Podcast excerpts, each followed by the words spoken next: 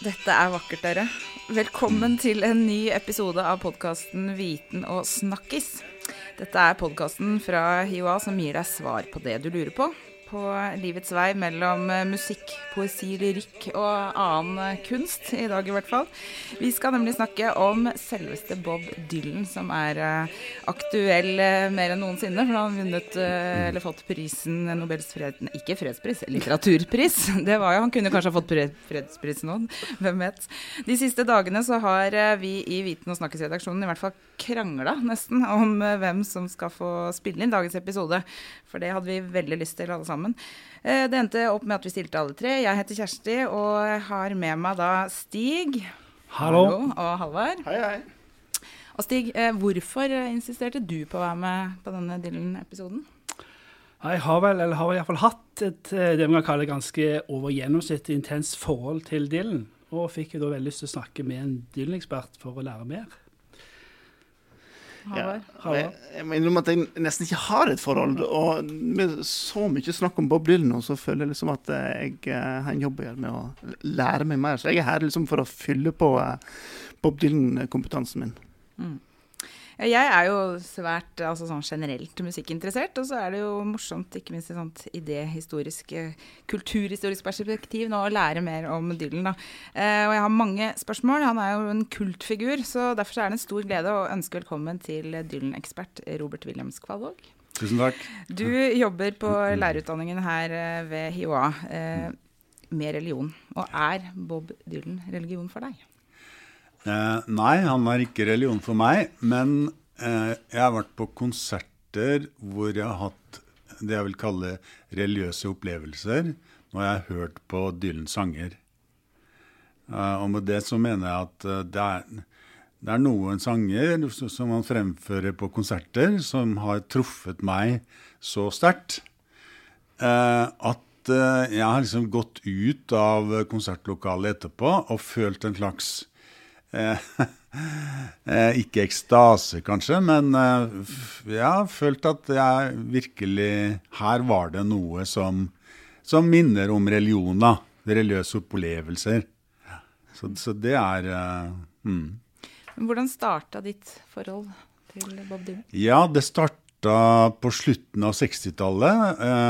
Eh, første låta jeg hørte, var 'Like a Rolling Stone'. Og eh, den var også skjellsettende, fordi den eh, ligna egentlig ikke på noe annet jeg hadde hørt tidligere som ble sendt eh, i NRK. Det var ikke så mye popmusikk eller rock på den tida. Og eh, jeg skjønte liksom med en gang at her var det noe spesielt. Men på høyskolen, her, eh, forsker du på Dylan, eller hvordan er det kobla opp til Ja, jeg forsker ja. på Dylan. Ikke bare på Dylan, men jeg jeg har uh, nylig skrevet en artikkel om eh, hans teologi i den såkalte kristne perioden. Ja. Um, og uh, jeg, jeg, er interessert i å, å, fortsette å skrive om Dylan. Men du sa det var noe spesielt. Hva var det? Når du, når du snakka om at ditt forhold til Dylan Det var noe spesielt som traff deg? Ja. Um, det var, eh, altså det var sanger som uh, traff meg eh, langt inne i sjela, for å bruke et litt sånn forslitt uttrykk. Men eh, som gjorde at eh, jeg gikk i flere dager etterpå og tenkte på dette. Og, eh, og denne opplevelsen var veldig positiv, fordi den liksom, det, det, er noen opplevelser du har som løfter deg ut av hverdagen, eh, og som gjør at eh, du aner liksom at det, det, er en annen sfære et annet sted. Et eller annet sted. Og, og, og, og Dylan har gitt meg flere sånne eh, opplevelser. Jeg må også tilføye da at eh, jeg, jeg har vært på ganske mange konserter med Dylan, og jeg har også vært på konserter hvor jeg, jeg har gått hjem og, og følt liksom nesten sånn gremmelse. Og, og tenkt at nei, nei dette, var, dette var dårlig.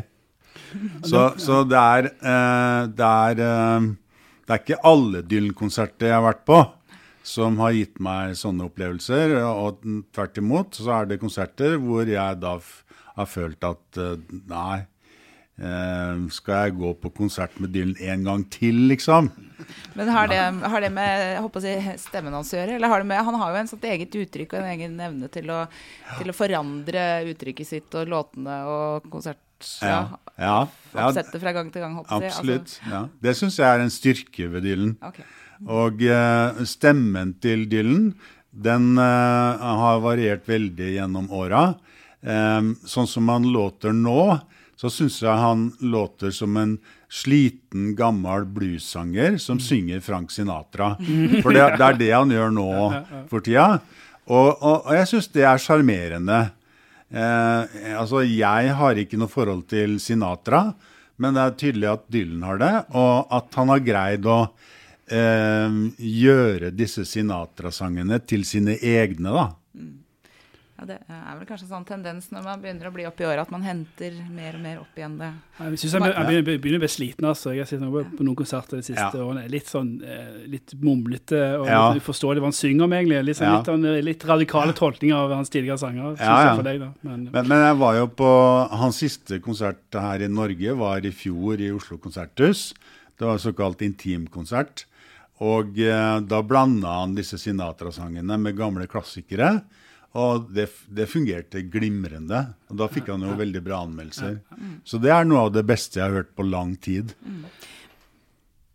men hva, er det med, hva er det med Bob Dylan som har gitt ham denne enestående posisjonen han har i populærkulturen? Er det mulig å, å si noe om det? Det? Ja, det er mulig å si noe om det. Det er fordi eh, han har gått gjennom flere ulike faser. Altså det er noen artister som følger en sånn rød tråd og, og, og jobber stort sett med det samme gjennom hele sin karriere.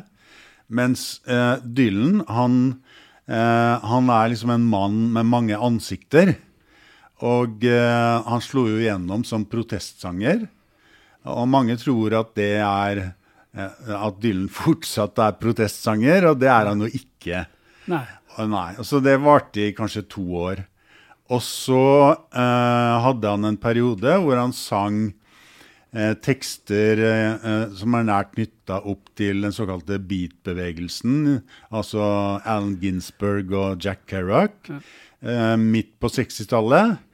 Eh, og så kommer 70-tallet, hvor han da synger om eh, kjærlighet. Veldig mange såre sanger, fordi han da går gjennom en skilsmisse. Og så kommer vi til slutten av 90-tallet, og da skjer noe av det mest radikale med Dylan, nemlig at han blir omvendt til kristen tro. Eh, og, eh, og, og, og da starter han opp som vekkelsespredikant. Eh, og så varer det i tre-fire år. Eh, og så kommer da dette 80-tallet, som mange ser på som eh, den store down-perioden. Men eh, faktum er at de siste åra så har eh, Dylans 80-tallsproduksjon blitt veldig oppvurdert av mange musikkritikere. Eh, og så eh, gjør han et formidabelt comeback tidlig på Nei, på slutten av 80-tallet, i 89 er det vel, med Oh Mercy, som er et kjempebra album. Eh, og så er det litt sånn eh, fra og til på 90-tallet, men i 1997 kommer Time Out of Mind, som er mitt favorittalbum. Og, og, og hvor han da synger om døden. Han var, har jo da nylig hatt en nær døden-opplevelse. Han døde nesten pga. en infeksjon i hjerteklaffen. Ehm, og så har han på eh, 2000-tallet utforska veldig mye av den amerikanske tradisjonsmusikken.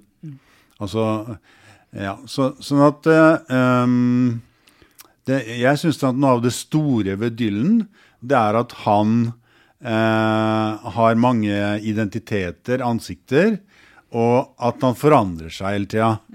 Så hva blir det neste nå? For nå føler jeg at etter to Sinatra-album så kan, det kan ikke komme et tredje Sinatra-album, liksom. Men nå må det komme noe annet. Og hva er det? Det er vi veldig spente på. Så det går egentlig ikke an å plassere den i noen sjanger. nei i, heller ikke noen bås. Nei. Nei. Hva med tekstene hans, da? Som er det, er det, hva som gjør tekstene hans verdig til en litteraturpris i litteratur? Ja, det er- det? Ja, det er to ting, syns jeg. Det ene er at uh, f.eks. den sangen 'Times They Are Changing', der er jo teksten ganske enkel, uh, med rim. Uh, men uh, det som eh, eh, gjør Dylan veldig stor, det er at han makter å gjøre det enkle til noe genialt.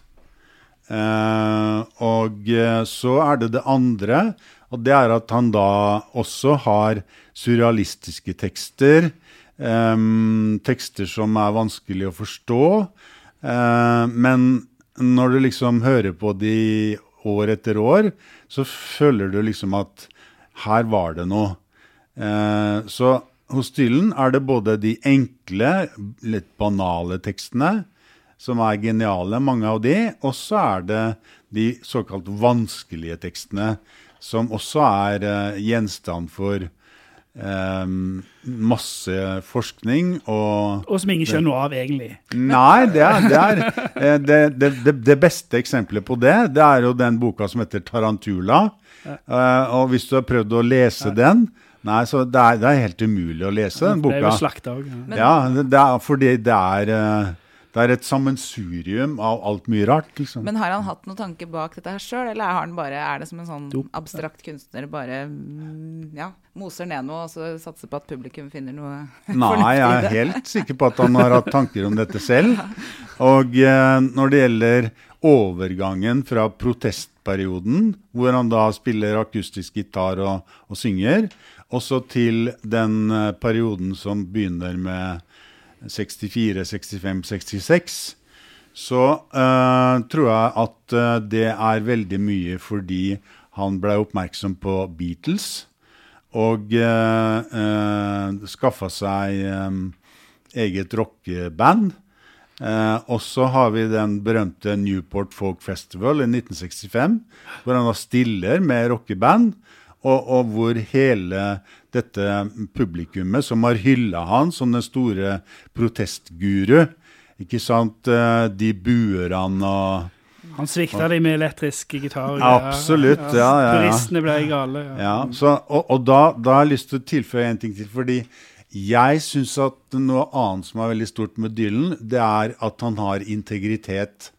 Altså, eh, han gjør akkurat det han vil, og ikke det publikum vil ha. Eh, og, og det syns jeg er noe av det som kjennetegner en stor artist. At han går sine egne veier og, og gjør det han selv vil. Er det- det vi ser nå da, i forbindelse med litteraturprisen? Han, han har ikke sagt stort om det, og det er vel spørsmål om han kommer til å dukke opp i hele tatt og ta imot prisen. Er det Nei, han har sagt at han ikke kommer til å, å, å dukke opp. Men han har antyda at han eh, kommer til Stockholm i april. Fordi en forutsetning for å få prisen, det er at du må holde sånn, et, et foredrag eh, i løpet av fem eller seks måneder, tror jeg, etter at prisen er delt ut. Så jeg tror nok han eh, kommer og, og har det foredraget, og det blir spennende å se hva han sier da i dette foredraget. Men hva tenker du, Robert, om eh, kritikken som er kommet opp med denne tildelingen? Er du Nei, altså til, noe av kritikken går jo på at uh, dette er uh, populærkultur, og hører populærkultur hjemme i Nobelsammenheng.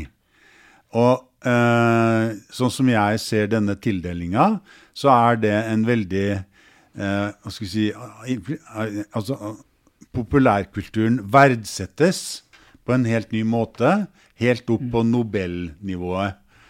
Og eh, mm, jeg personlig syns det er veldig bra.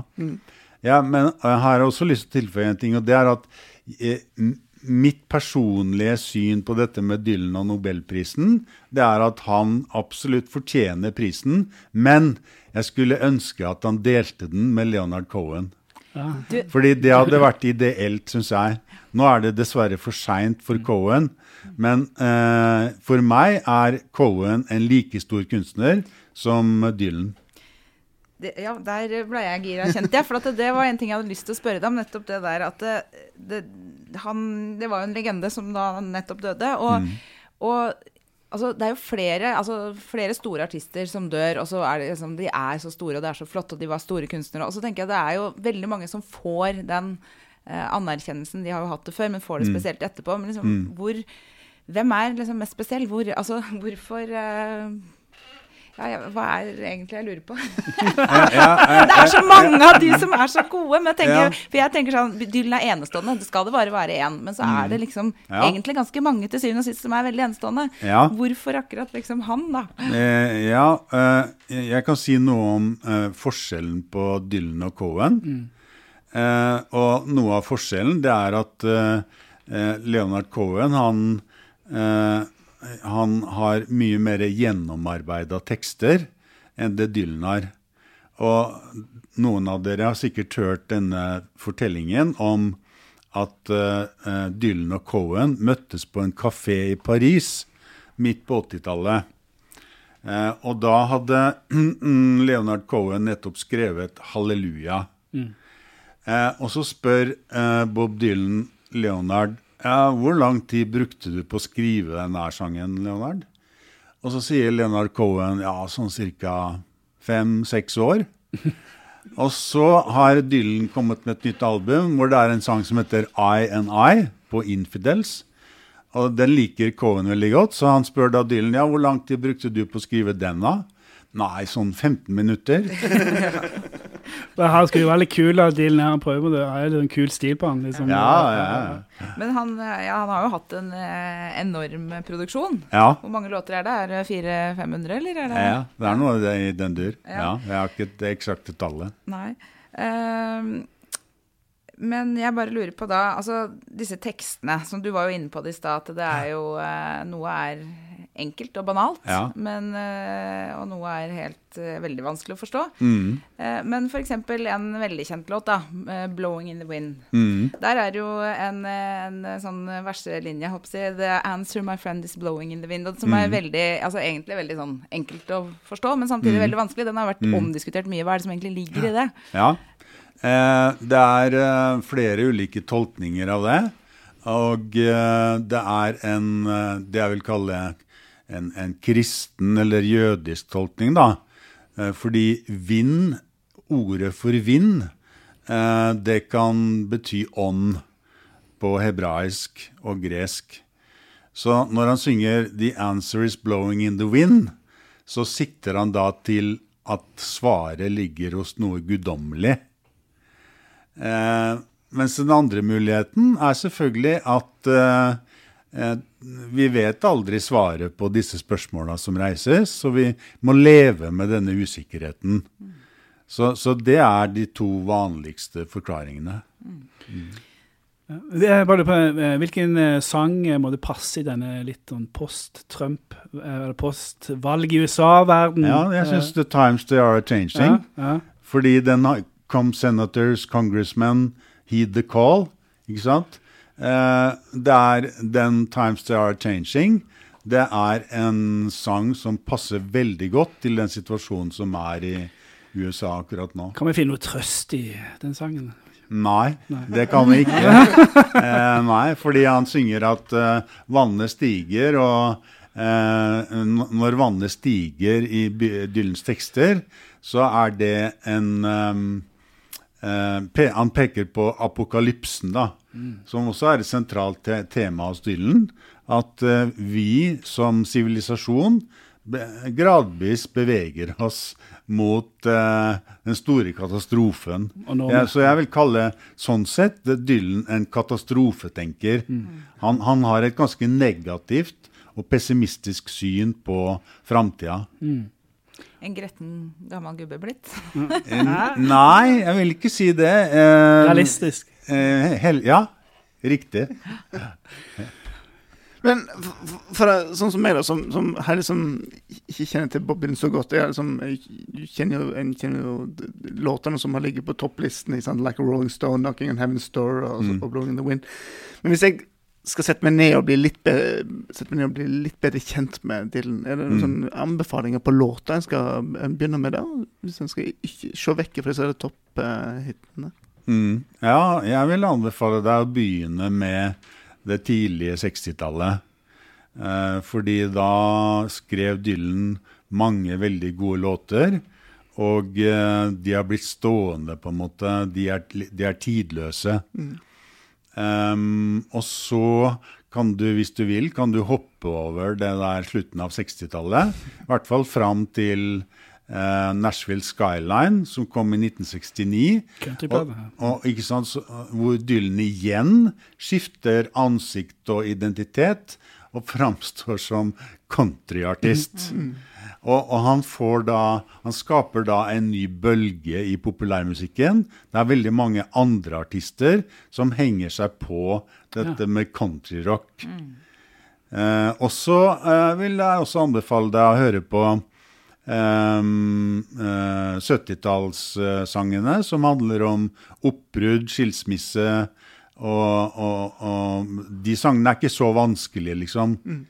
Og hvis du er opptatt av eh, åndelighet og sånne ting, så er jo den såkalte kristne perioden eh, veldig bra, syns jeg, på mange måter. Eh, og dette albumet, som er mitt favorittalbum, 'Time Out of Mind', da har vi liksom kommet til døden som tema. Eh, så, sånn at eh, da, da har vi liksom gått hele runden, da. Den, den gamle mannen som står foran. Ja, Ja, han er jo egentlig ikke så gammel Ja. på det tidspunktet, men han hadde jo en veldig kritisk opplevelse. Sånn, Jeg blir sånn nysgjerrig. Altså, du, du er jo ekspert på Dylan. Altså, kan du, kjenner du alle låtene, liksom? Alt? Eh, Er du sånn ja, eh, kvitt eller dobbelt? Dylan, er du sånn dylanolog, Dylan Låg, ikke det? det? Ja, jeg er, jeg er dylanolog, ja. Jeg kjenner vel de fleste låtene. Jeg har alle Jeg har Dylan komplett hjemme, og jeg hører regelmessig på Dylan. Eh, så mm, det er klart noen låter kjenner jeg bedre enn andre, men uh, Så hvis jeg spør liksom, hvilket album er den låta fra, så vet du det? Nei, det, det, det, det, det tar vi en annen gang.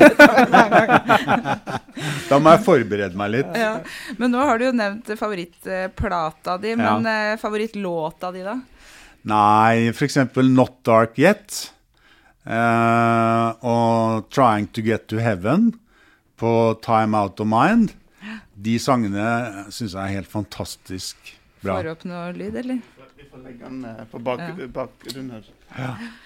Ja, vet du, vi må jo høre med Stig, du som er kanskje av oss eh, tre her eh, som ikke er Dylan-eksperter. Du har jo mest forhold. Eh, Hva er er din favorittlåt? Det er vanskelig, veldig vanskelig. Men jeg tror kanskje jeg holder en knapp på Sad Eyed Ladies. Lady of the Lowlands. Ja. Den er veldig fin. Mm. Ja. ja.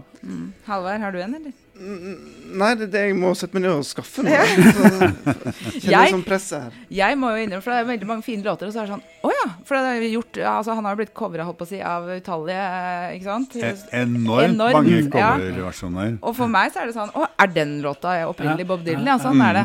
Men jeg er jo sånn uh, sucker for love, holdt på å si, da. Så jeg, jeg er veldig på den Ja, jeg har lyst til, å- hvis det er tid, så har jeg lyst til å si litt om det òg. Ja. Fordi eh, ehm, eh, i 1968 så spilte Dylan inn et album som heter John Wesley Harding.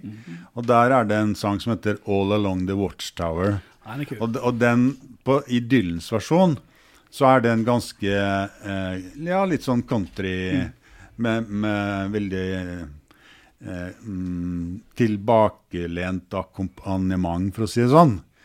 Og så eh, hørte Jimmy Hendrix denne låten, og han ble i fyr og flamme, og han laga da en eh, coverversjon av eh, All Along The Watchtower, som er blitt stående som en, en nesten en milepæl i populærmusikkens historie. Og det som er interessant, det er at etter at Hendrix gjorde det, så har jo også Dylan eh, brukt den veldig rocka versjonen på sine konserter. Sånn at her har først eh, Jimmy Hendrix lager et cover av Dylan, og så lager Dylan et cover av Jimmy Hendrix. Ja, sånn. Han lærte av Jimmy Hendrix. Ja, han gjorde det. Men han har jo vært en inspirasjonskilde for eh, artister helt fra sin egen samtid og utover. Ja. Men han kommer vel fortsatt til å bare eh, inspirere, han. Ja, ja, jeg er helt sikker på det. Mm. Hvor mange flere album eh, tror du vi får? Nei, det er eh, helt avhengig av eh, hans helse og, og, sånne Men det er ingenting som tyder på at han uh, har tenkt å legge inn årene eh, med det første. Så jeg tror uh, vi får flere album. Og som sagt, jeg er veldig spent på hva slags bilde Eller hva slags hva skal jeg si type musikk og tekster det er på det nye albumet, som helt sikkert kommer etter hvert. Det er jo ganske utrolig at han fortsatt orker å reise på disse lange turneene sine. Altså, Ja, men han har sagt- gjort så mye. Ja, altså, han- han, Han har sagt at han elsker å turnere. han elsker turnélivet. Ja, Ja, ja, Og at han er en uh, artist som uh, Altså, sangene skal ikke først og fremst leses, tekstene, men de skal høres. Og, da må han liksom ut til folk og framføre de, sånn at de får hørt eh, Ja. disse sangene. Han er en song and dance man, ikke? Ja, Song and Dance Man. Mm. Men samtidig så er det jo Han har jo gjort noe for populærkulturen ved å vise at det trenger ikke nødvendigvis ha en stor stemme for å bli en stor artist. Nei, håper, nei, det håper oss alle, med andre ord. nei, men liksom, hva er det med de altså, Ja. Vi har jo vår egen holdt på å si Ole Paus, og vi har Ja, ja, eh, han Hva heter Ja. han der andre med den der eh, forferdelige stemmen? Bjørn Hoel. Ja. jeg tenkte på han eh, andre amerikaneren. Nå står det helt stille for meg. Ja, men hva, hva Men, men jeg jeg har bare lyst til å, å, å, å fortelle at uh, eh, tidlig på 90-tallet så var Bob Dylan på Kalvøyafestivalen to ganger. Jeg var på begge de konsertene. Også på den ene konserten hadde jeg med min datter, som da var ti år. Eh, og så når Dylan kom på scenen, så ser hun bare opp på han, og så sier hun men pappaen er jo stygg. og så snur hun ryggen til og leser Ronja Røverdatter i videre. Sånn at eh, eh, det, det, som også, det er fascinerende med Dylan, at han kan bli så stor selv om han er stygg, i anførselstegn. Eh, Det, det kan diskuteres. Han er så Og- kul på sex, heller. ja, og han har ikke den helt store stemmen. Eh, men, men jeg mener at stemmen og stilen er veldig eh, uttrykksfull på mange måter. Og det at han eh, faktisk eh, lager coverversjoner av Sinatra-låter, altså sånn crooner-stil, eh, og, og lykkes med det, det, det viser jo at eh, stemmen er eh, kapabel til eh, ulike uttrykk, da. Og så er det noe med at når ikke alt låter eh, si, rømmegrøt i øra, så, må, så blir man jo ekstra oppmerksom. Og det er jo Ja. tekstene hans som er Ja. liksom Ja, men altså, kontrast til alt det andre, vet ja. du, så, blir, så står det ut som noe spesielt. Ja, Eh, ja.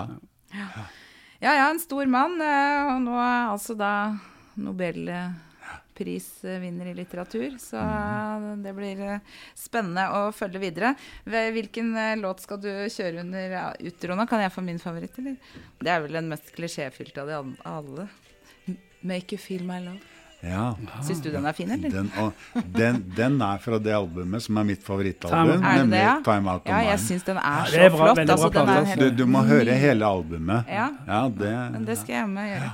mm, den er jo blitt eh, Adele har laga Ja. en fin coverversjon av Feel My Ja, ja, ja. Det, Mm. det er virkelig stemningsfull låt. Jeg, jeg finner dessverre ikke akkurat den til deg nå. Nei vel, men da derfor tar jeg kjører vi den eh, som eh, Robert startet med, eh, som vekkelseslåt. Altså like a, like a Rolling Stone her, som outro. Ja. Men nå tror jeg du har i hvert fall inspirert oss eh, tre til å fortsette å, å bli kjent med Bob Det er Dylan. Så Mm. tusen takk for at du kom, Robert Williams Kvalvåg. Ja. Eh, og du som har hørt på oss nå, da kan vi si at du finner eh, dette mm, og lenker til alle de andre eh, blogg... Nei, hva heter det for noe? vi tar den på nytt.